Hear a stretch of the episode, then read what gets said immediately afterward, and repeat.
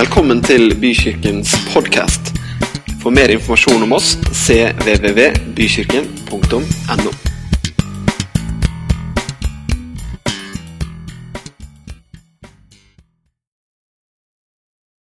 Så bra. Dere, i dag så skal jeg prate litt med dere.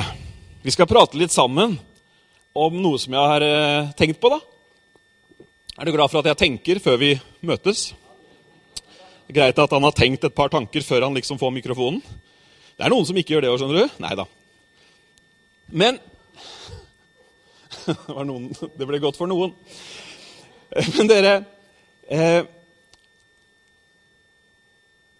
Er det noen ganger du tenker at det er litt sånn krevende å liksom si ja, jeg er en kristen?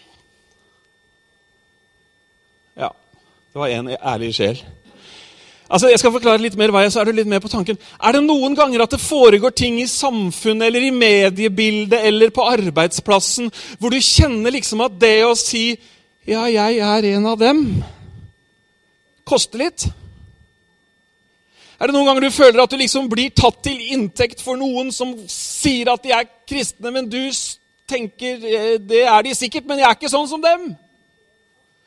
Jeg leste en artikkel i A-magasinet her for noen år siden. Det er ikke så mange år siden heller, og så leste jeg om en person som altså hadde hatt noen opplevelser i den kristne tros navn.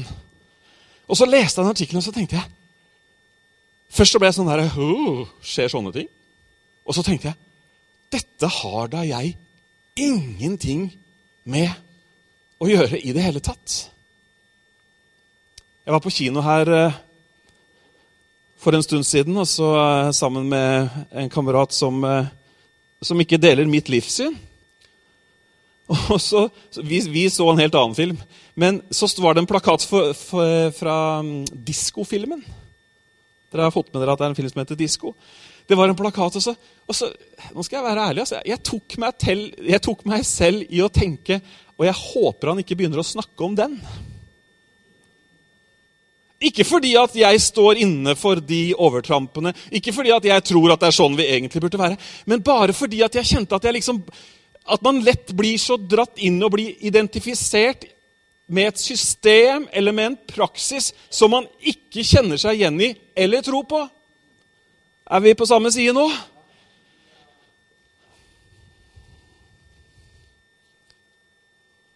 Hva mener du om homofili?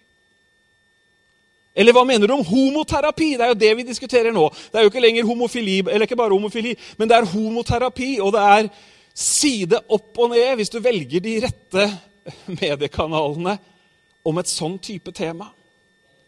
Og når ikke det er det, så er det kirkevalg, og når ikke det er det, så er det noe annet. Og når det ikke er det, så er det eh, biskopenes miljøkamp og det ene og det andre. Er dere litt med på hva jeg snakker om? Det er utrolig mye greier og jeg sa en ting, og jeg vet ikke om dere husker det, derfor så minner jeg dere på, dere, minner jeg, minner jeg dere på det. Når jeg begynte her som pastor, så sa jeg jeg kommer ikke til å ha en mening om absolutt alle ting som foregår i det kristne landskapet. Og hvis du tenkte at nå skal du få hva Bent Ove mener om alt som skjer i det kristne landskapet her i dag, så blir du kjempeskuffa, for det skal du ikke få i det hele tatt. Jeg skal nemlig prøve å istedenfor å liksom med vidvinkel se på det hele det kristne landskapet og prøve å gi oss noen, noen uh, metoder for å navigere og noen, noen metoder for å se tydelig ut og stå opp for det ene og det andre, kommer ikke til å gjøre det i det hele tatt. Men jeg har lyst til at vi skal zoome samtalen inn i dag på det det faktisk dreier seg om. Høres ikke det fint ut? Så du, du, får ikke noe argumentasjonsrekker, du får ikke det ene og det andre. Og slapp av, jeg sier ikke noe, for de sier ikke noe mot de som måtte være engasjert i det ene og i det andre. Men jeg bare sier at det kan hende at det engasjementet har ført deg ut på et sidespor i forhold til hva vi egentlig er ment å tro å gjøre og være osv. I Markus kapittel 1 og vers 16 så står det En gang han gikk langs Galileasjøen, fikk han se Simon og Andreas, bror til Simon. De holdt på å kaste not i sjøen, for de var fiskere. Jesus sa til dem, 'Kom og følg meg, så vil jeg gjøre dere til menneskefiskere.' Straks forlot de garnet, eller straks lot de garnet ligge og fulgte han. Da han kom litt lenger frem, fikk han se Jakob, sønn av Sebedeus, og hans bror Johannes. De satt i båten og bøtte garn. Da kalte han dem, og de, forlot, og de lot faren Sebedeus bli igjen i båten sammen med leiefolkene og fulgte han. Å være en kristen i 2019 handler ikke om å være plassert og ha de riktige kristne meningene i forhold til hva som er politisk korrekt eller ikke politisk korrekt. Jeg har lyst til å rette samtalen vår og fokuset vårt mot det som jeg tror er det helt essensielle. Og det nydelige er at når man fokuserer på det som er essensielt, når man setter fokus på det som virkelig betyr noe, da er det der fokuset er, og ikke på alt det andre. Og ikke minst så er det også der styrken finnes. Det var så tydelig, det Jesus sa. Følg meg. Jeg har lyst til å snakke om ett etterfølgelse i dag. Og jeg har ikke tenkt å ta de kjente versene som disse og, så videre, og utbrodere hver eneste detalj i det, men jeg har lyst til å snakke om etterfølgelse i dag, i 2019. Hvordan ser det ut når vi stiller oss noen spørsmål? Hvem var Jesus? Hva sa han? Hva gjorde han? Det er spørsmål vi må svare på fordi at vi er bedt om å følge ham. Så hvem er det vi følger, og hvordan ser det ut hvis vi tar hans tankesett, hans gjerninger, inn i vår hverdagslige hverdag her i dag? I Tønsberg, i 2019, i vår generasjon. Etterfølgelse. Det var så tydelig. Og det er så tydelig også når vi leser andre skriftsteder. Jesus ber oss ikke om å bli religiøse observatører. Du vet, FN de sender noen observatører hit og dit, og man observerer valget der og fredsprosessen der, og man har noen meninger om alt, men man er ikke deltakende. Ikke sant? Mange kristne har jo havna der at de har blitt sånne religiøse observatører. Ja, nå har det skjedd der. Har du hørt den siste prekenen hans? Vet du hva som skjer i det miljøet? Og så videre, og så videre. Og så blir vi en sånn ekspertelite som kan svare på spørsmålet 'Who's who in the charismatic zoo?' Og hva skjer her, og hva skjer der, og så videre. Og Vi lever også i en verden ikke sant, hvor altså, vi, vi, får jo alt på nettet hele tida. Altså, vi, vi, vi, kan jo vite alt om alle absolutt hele tiden. ikke sant? Men i dag så retter vi fokuset, så retter vi samtalen rundt det jeg virkelig tror at er kjernen i hva det, hva det vil si å være en kristen. Å følge Han. Det er ikke bare at han sier at vi skal følge han, men han sier også at vi skal gjøre de samme gjerninger som han. Paulus følger opp det som Jesus har sagt, og sier at vi skal være Guds etterfølgere. Vi skal være som Han.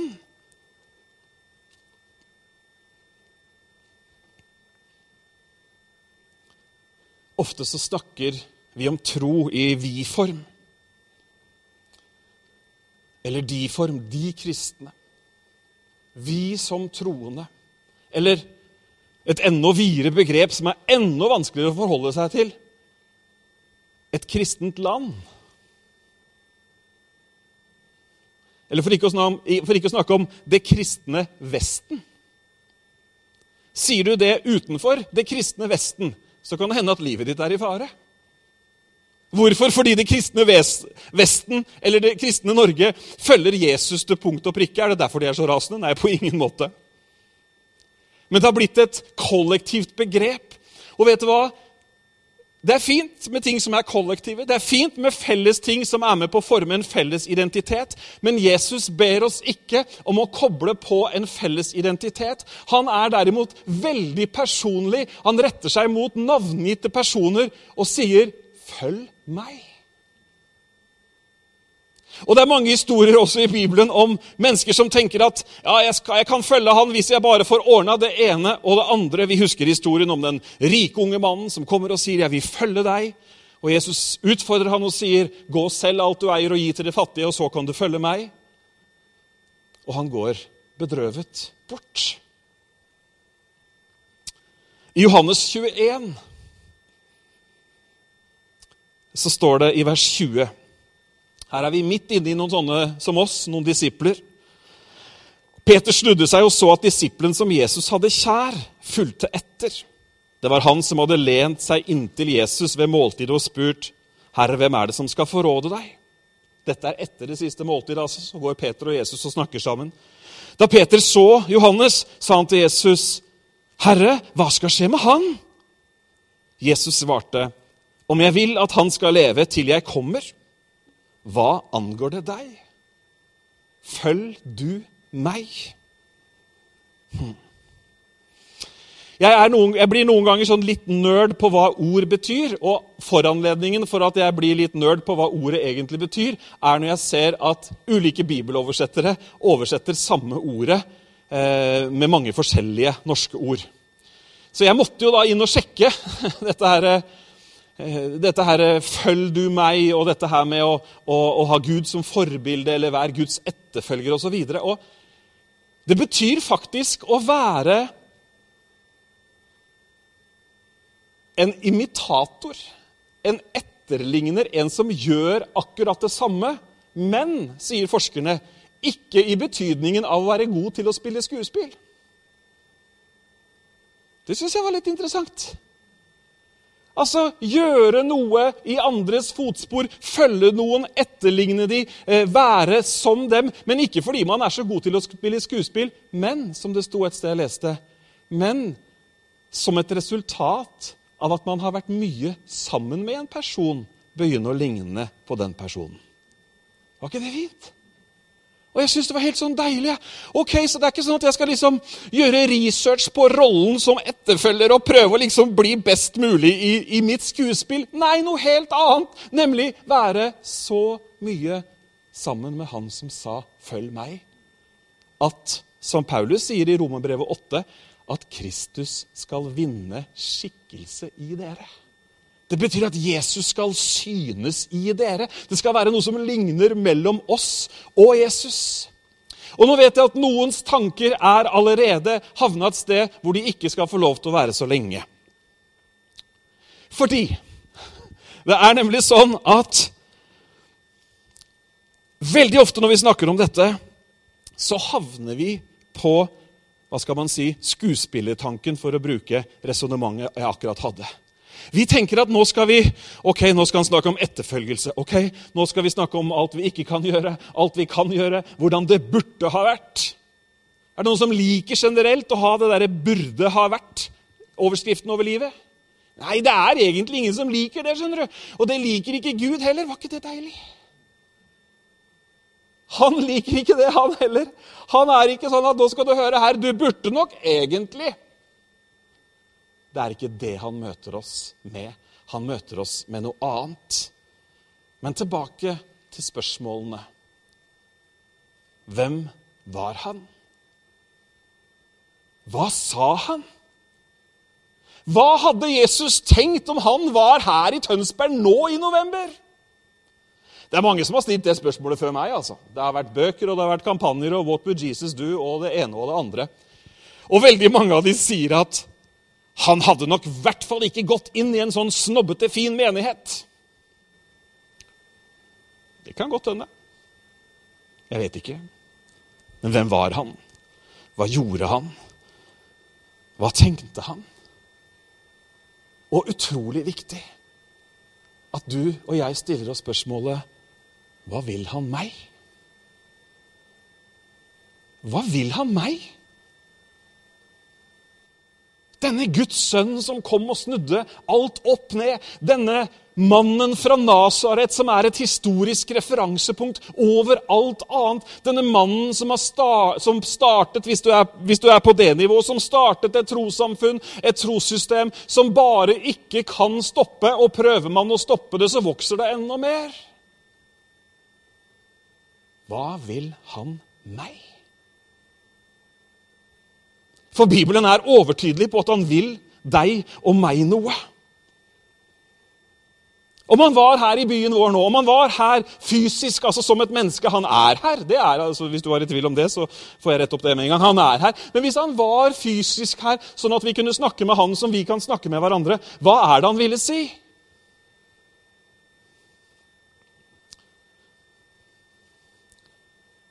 Uten å henge ut noen så har jeg lyst til å fortelle en ting som har overraska meg etter at jeg begynte å jobbe som pastor.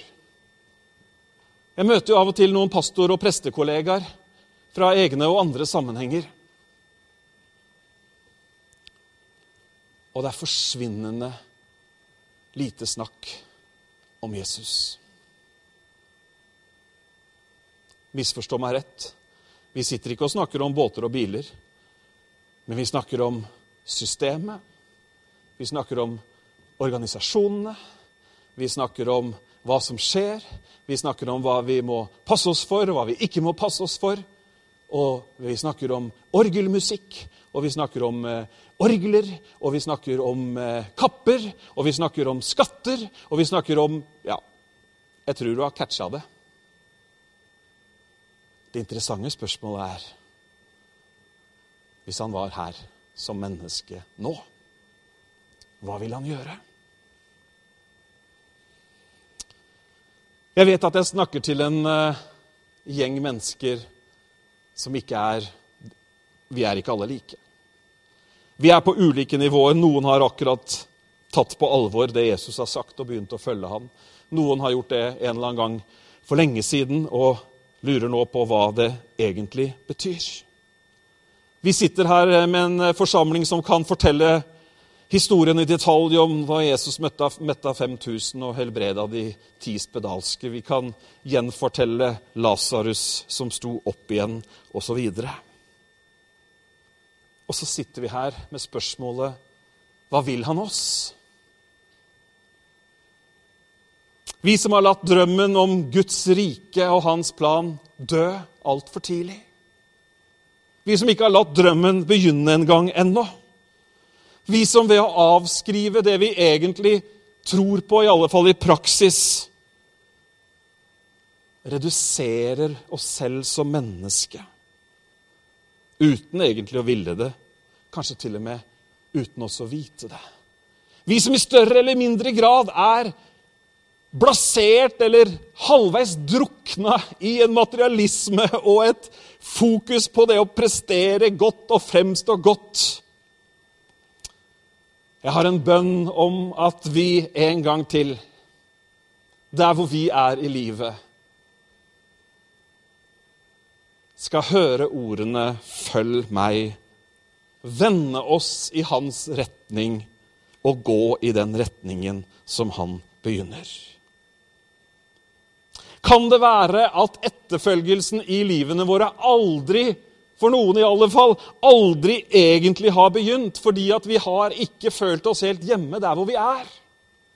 Vi har tenkt at etterfølgelsen er noe som skal komme i kapittel 2 eller kapittel 3, eller når den første introduksjonen er gjort unna, og vi har liksom klart å på en eller annen måte få litt skikk på livet. Kan det være at vi drømmer om noe som aldri blir vårt, og at vi derfor heller aldri starter i en ærlighet som sier at 'her er jeg nå'. For det er nemlig begynnelsen for etterfølgelse. Det er ikke et visst prestasjonsnivå, det er ikke et visst modenhetsnivå. Begynnelsespunktet for sann etterfølgelse av Jesus er at 'her er jeg nå'. Jeg skal få litt hjelp av noen akkurat nå. Å være en etterfølger av Jesus handler om å leve et liv med den type bånd rundt seg. Hva sier dette båndet? Det står på tavla, vær så snill, da. Det er så lett at alle kan være med her òg. Ja, arbeid pågår. Under construction. Det er noe som faktisk foregår. Det, noe, det sier at det er noe som ennå ikke er ferdig. Så herlig. Samuel, hvor er du? Kan ikke du komme hit? Samuel, this is my man for today. Kom igjen, opp på scenen. Og så kommer Mari, og um, Augustin kommer også.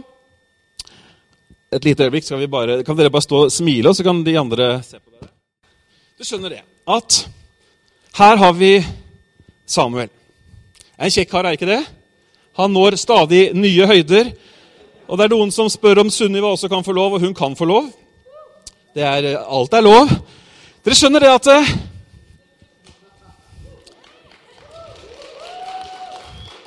Det var jo ikke avtalt engang, altså, men du er jammen eh, Du gikk under istedenfor å hoppe over. Ja, det er greit. Det er nemlig sånn at nå er Samuel han er på en måte en av oss. da, ok? Er du med? Det kunne vært hvem som helst. Jeg vet at det kommer noen til å komme etter gudstjenesten og si neste gang mitt over så vil jeg. Alltid mange som kommer og spør om det.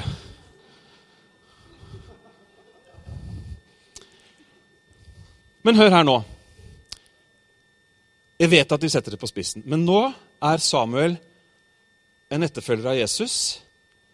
Og han har en tanke om eller kanskje andre rundt han har en tanke om sammen med han, at hvis jeg skal være en etterfølger av Jesus, da må jeg fikses litt på. Ok? Vi skal ikke ha noe plastisk kirurgi akkurat nå. Men vi har noen her som gjerne gjør det som mange, både troende og ikke-troende, gjør med andre. De prøver å forbedre folk litt. Så vær så god, dere har det dere har. Dere har det, og så har dere det andre som ikke har tatt fram ennå. Og så skal vi gjøre en liten forbedring av eh, Samuel. Se her, Mari. Ja da. Og vi har ikke resten av søndagen, altså, for vi skal hjem og spise kaker og gjøre mye annet etterpå. Se her, ja. Her er altså en liten forbedring. Han var tydeligvis ikke høy nok i seg selv. Og så er det sonnebånd og gaffateip. Og litt papp er det her. Det kan jo hende at man vil endre noe av et eller annet med pappen. Ryggen stives opp, den finnes ikke å være bra nok i utgangspunktet osv. Se her, ja. Ikke minst det for alle de stygge tankene man kan tenke. Det var veldig bra at dere gjorde det. Og dere, vi har, vi, vi, vi har, jeg, Om jeg har lyst til det? Ja, Så dere, dere syns at han begynner å, begynner å liksom eh, se bra ut nå, eller? Nei? Nei, det er ikke bra nok ennå. Det er litt mer skjerping som egentlig trengs.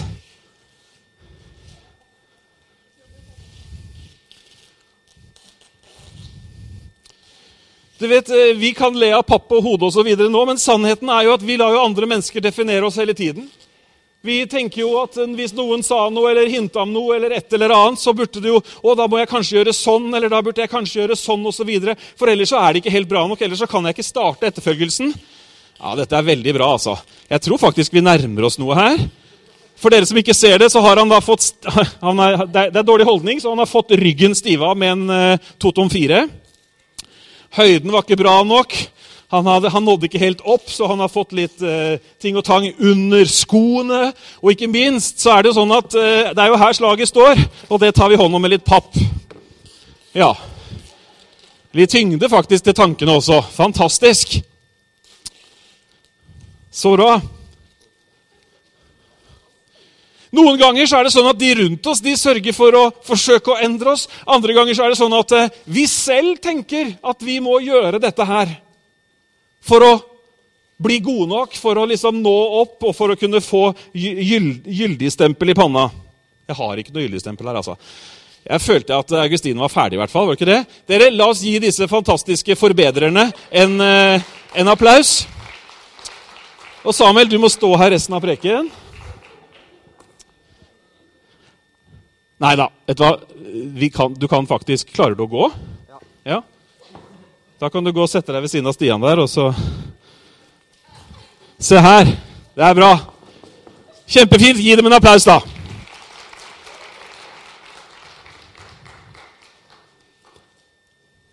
Markus 9, 33.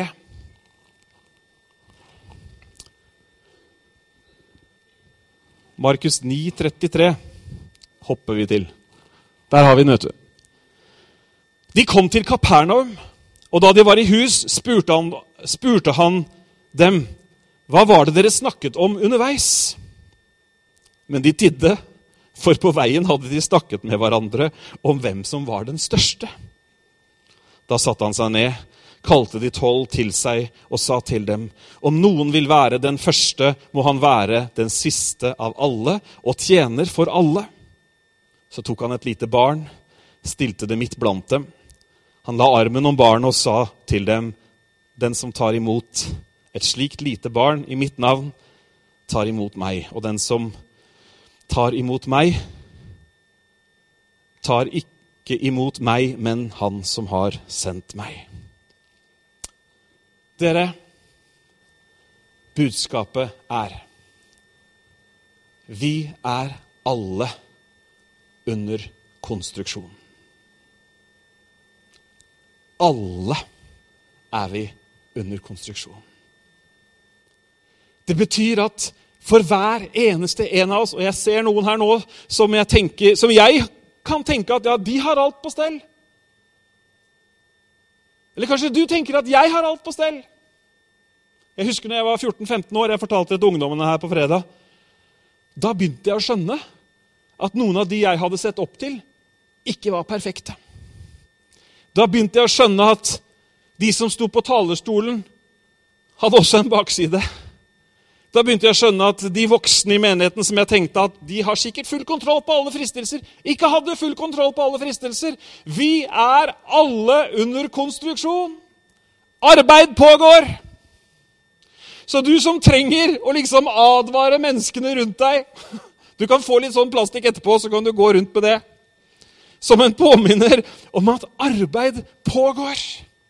Dere, Vi lever i et samfunn, vi lever i en tid hvor det å prestere, eller i hvert fall det å vise fram det man presterer, det rager høyere enn så mye. Og vi sammenligner oss, og vi tenker at de andre får det til. De andre uh, har liksom fått koll på alt sammen, mens jeg klarer det ikke.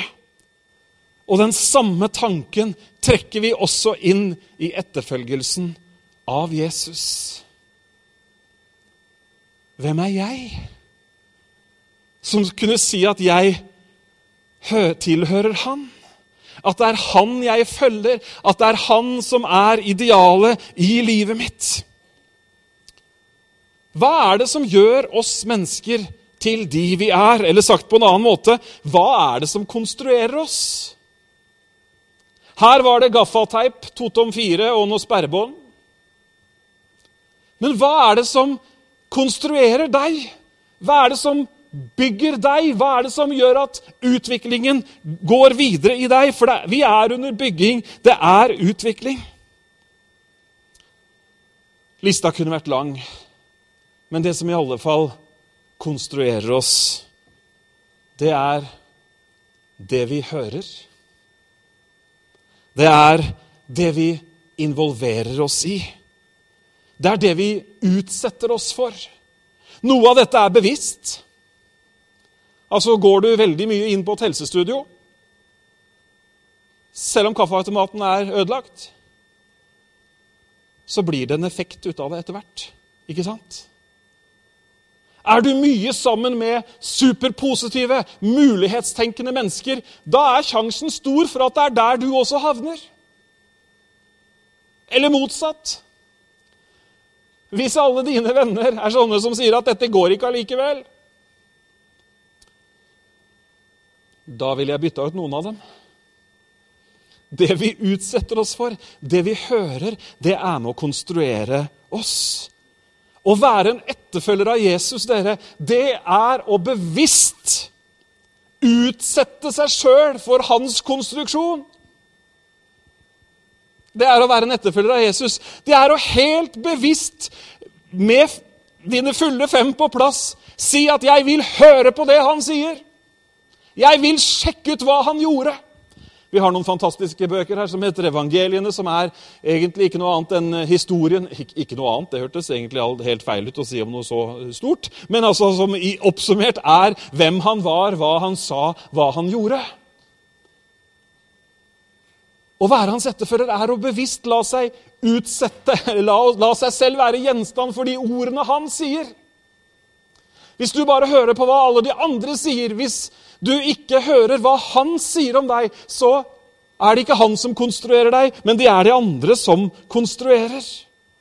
Er det rart at Bibelen sier at Guds ord er levende, skarpere enn noe tveget sverd? Ordet skaper tro i oss osv., osv. Jo mer vi er sammen med Han, jo mer vi hører Han, jo mer og mer blir vi hans etterfølgere. Noen ganger så skjer dette litt plutselig. Noen ganger så skjer det som prosesser. Noen kan ha et møte med Jesus som gjør at de blir så farga av han at de nærmest umiddelbart endrer livsretning, og alle kan merke det der og da. For mange så er det ikke sånn det skjer. Det skjer mer som en prosess over tid. Felles for de begge er at denne etterfølgelsen, denne avfargingen, om du vil, av Jesus, denne besmitningen av hans karaktertrekk, av hans kjærlighet, den kan ikke skje uten eller utenfor vår vilje. Det er vi som må ville det. Det er vi som må la det skje. Jeg skal slutte veldig snart. Når skjer det? Når kan vi være den etterfølgeren av Jesus? Ja, jeg tar det over jul. Er ikke det en plan? Har ikke du òg full kalender fram til jul nå? For min del så skal det godt gjøres å egentlig oppleve julaften i år, har jeg funnet ut. Det var flere som kjente seg igjen i den. Kan hende vi bare må korte ned på antall lys som skal henges opp her og der, og noen andre prosjekter. Så kan hende vi klarer det. Hør her. Etterfølgelsen starter her og nå, der hvor du er. Med en ærlighet om hvor man er, og hvem man er. Er ikke det fantastisk? Jeg elsker historien om Jesus og de to røverne som blir korsfesta, én på hver side av ham. Husker du den historien? Han ene han forbanner og spotter og sier, 'Kan du ikke, du som er Guds sønn, du kan vel fikse dette?' Han andre han sier, 'Tenk på meg i dag når du kommer til ditt paradis.' Og han får svaret på etterfølgelsen som har starta uten en eneste forbedringskampanje. Han rakk ikke å gjøre noe, han røveren. Alt han gjorde, rakk å gjøre, hør på det her, alt han rakk å gjøre, var midt i sin elendighet å vende seg mot Jesus og si, 'Tenk på meg i dag når du skal i ditt paradis'. Og svaret var, 'I dag skal du få være med meg i paradis'. Det er svaret i dag også, folkens. Det er ikke fyll opp søndagsskolekortet ditt med gullfisk. Det er ikke fiks et eller annet. Nei, i dag, der hvor du og jeg er, så kan vi vite at han har satt opp sånne bånd rundt oss for at vi skal minne oss på at vi er under konstruksjon. Arbeid pågår. Vi er ikke perfekte. Vi har ikke nådd målet ennå. Men én ting gjør vi, akkurat som Paulus sier. Vi glemmer det som ligger bak. Og så strekker vi oss mot det som ligger foran. Hva gjør du når du faller? Du reiser deg opp igjen. Jeg er ikke skadefro, men noen ganger så syns jeg må jeg innrømme at det ser litt morsomt ut når folk faller på isen. Er det flere enn meg som har sittet i bilen og flira når noen danser Bambi rundt et uh, hushjørne? Ja. Og det, ikke, det har ikke vært vondt ment. Men det som har vært felles for alle sammen, har vært at de faktisk reist seg opp igjen med en gang. Og de er så opptatt av at noen, noen har sett det, og det er liksom Å, så, ja. Fortsetter de, fortsetter de spradingen sin på fortauet. Men det er noe veldig bra med det i overført betydningen i etterfølgelsen av Jesus. Tenk på Peter. Tenk på Moses, tenk på Jo... Altså, tenk på alle disse her som vi leser om, som gikk på trynet så det sang gang på gang. Men så reiser de seg. For du skjønner at når du er nær Jesus, så er det et lys fra Han. Rettferdighetens lys går oppover deg. Så dekk er det en som med sitt nærvær og med sin stråleglans og med sin kjærlighet dekker over en mengde synder, sånn at du kan gå videre. Yes, du kan gå videre.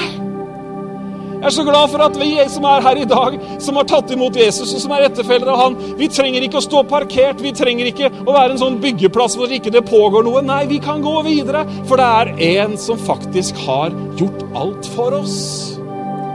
Og det er i ham at vi lever, at vi rører oss, at vi er til. Det er i ham at vi finner ny styrke.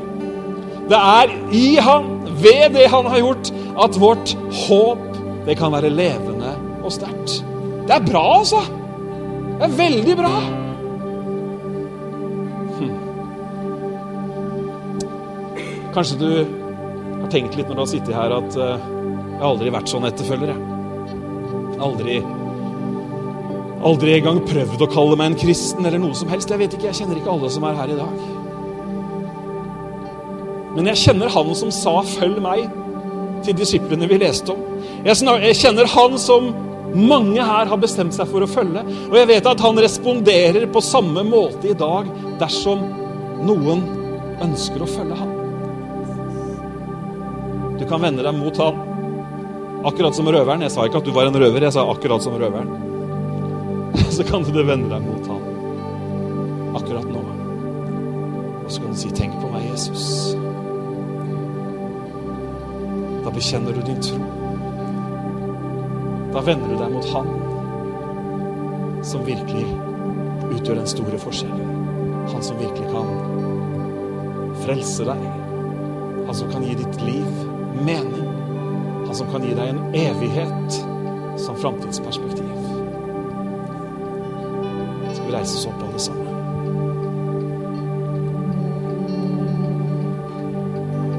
Vi skal gjøre to ting nå. Det ene Du som tenkte når jeg sa det siste jeg sa, at jeg har jo aldri vært en etterfølger, jeg har aldri kalt meg noe som helst. Men hvis du ønsker å vende deg mot Jesus i dag, så skal vi be sammen. Så hvis vi bare lukker øynene, vi som er her Og hvis du, hvis du sier i ditt hjerte ja, jeg vil vende meg mot han, jeg har ikke alle svarene, men jeg vil vende meg mot han Kan ikke du bare rekke opp en hånd, så skal vi be spesielt for deg. Jeg skal ikke gjøre noe, jeg skal ikke gjøre noe mer eller kalle deg fram eller noe. Men hvis det er noen som ønsker å si ja, jeg vender meg mot deg, Jesus, så kan du gi meg et lite tegn.